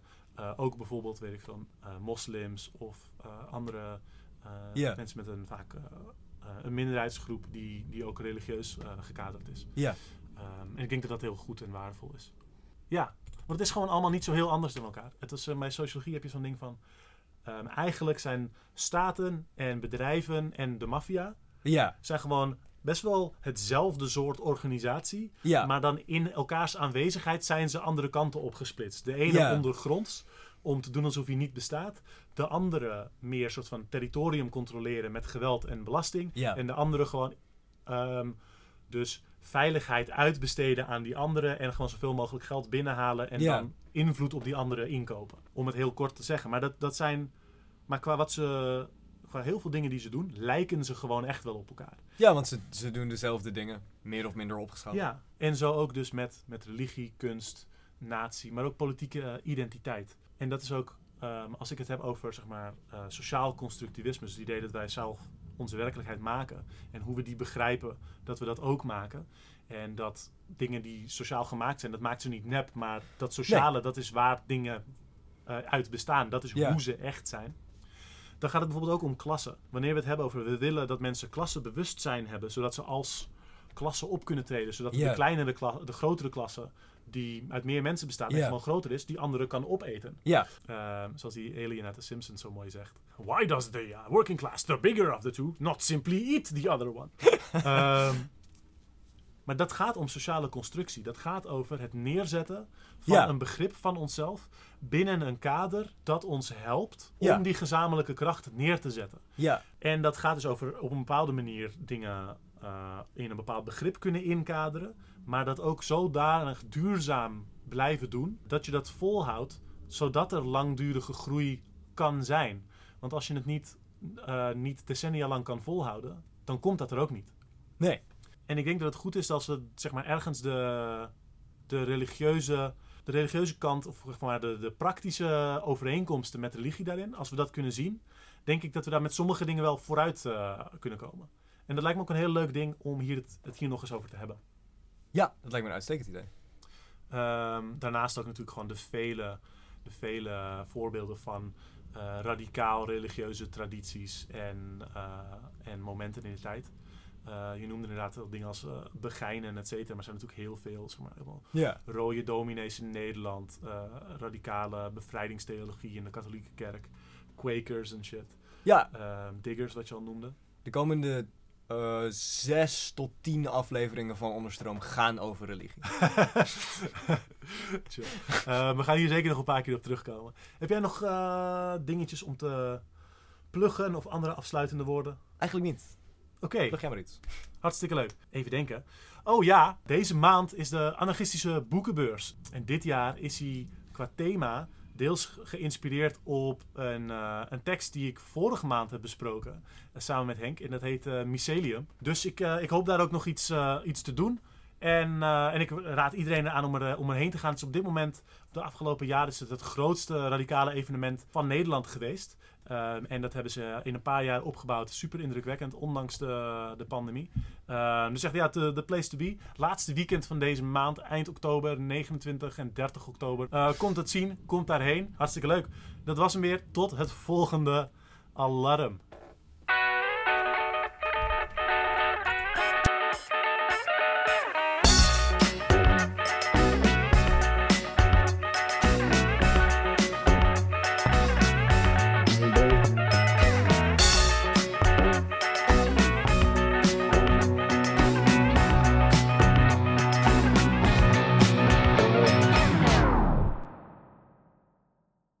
Ik zit zo half, ik zit zo half te spelen met het idee, soort van, soort van suggestie dat, maar dat, dat is zo'n gekke deep cut. Ehm, dat doen alsof onderstroom bestaat in een soort liminal space dimensie waar constant dat alarm afgaat. En, want zo voelde het vanochtend. Ehm, dus dat het is van, oh, dat, dat is hoe het Ja. werkt, hè? Ja, ja, ja, ja. Ja, het is wel grappig zo één keer in de maand, maar stel je voor dat je daar moet leven. Net zoals Alex, die daar... Ja, eindeloos. Ehm, Als, als er een keer, als het, eh, het einde van de wereld echt gebeurt. Zoals, laten we eerlijk zijn, binnen de komende 20 jaar waarschijnlijk het geval typisch is. geval wanneer in plaats van als. Ja, ja, ja, precies. En die, al die sirenes gaan af voor het echi. Moet er Hmm. dan ook een soort noodaflevering van Onderstroom afge... Ja, Ik ja, denk de hele ja. tijd van, oh, is Beste luisteraars, dit is waar u voor getraind heeft al die jaren. vandaag bij Onderstroom. Klimaatverandering. Hoe is het relevant voor jou? Als je naar buiten kijkt, dan zie je de buurman langs drijven. Ik zou eh, met beide pedals gewoon aan mijn arm eh, me binden alvast. gewoon voor de zekerheid. voor de zekerheid. Maar wel dat het los kan snappen voor als er een soort, eh, soort haai of een soort zombie vanuit het water een van je pedals grijpt. Dat je hem dan ja. los kan laten. Zombie had ik niet aan gedacht. Ik weet niet of we daar een apart lijkt me waarschijnlijker dan haaien, moet ik zeggen, met alle Ja. uitsterving. Dat, dat hebben we goed voor elkaar gekregen. Dat, Dat zagen we we goed- mooi aankomen. Ja, ja, ja. Dijken gaan wel doorbrengen, maar tegen die tijd is alles in de zee toch al dood. Dus Het is zo lastig dat het beleid altijd zo stroperig is en dat het moeilijk is om aan te passen. Want eigenlijk, zeg maar, is dus al sinds, sinds de jaren 80, sinds de Jaws-films, is er van: weet je wat, we moeten echt af van die haaien. Eh, maar als we nou iets fixen, nou, dan krijgen- komen er maar een beetje kwallen en muggen voor in de plaats. Dat is wel te doen, maar gewoon we moeten sick. gewoon van haaien af. En, eh, en dat is gewoon vet hard aan het lukken. Blijken die anderen ook heel irritant ja, dat is echt heel Sterker nog. Eh, meer. Ja, veel dodelijker. Ja, ja, goed.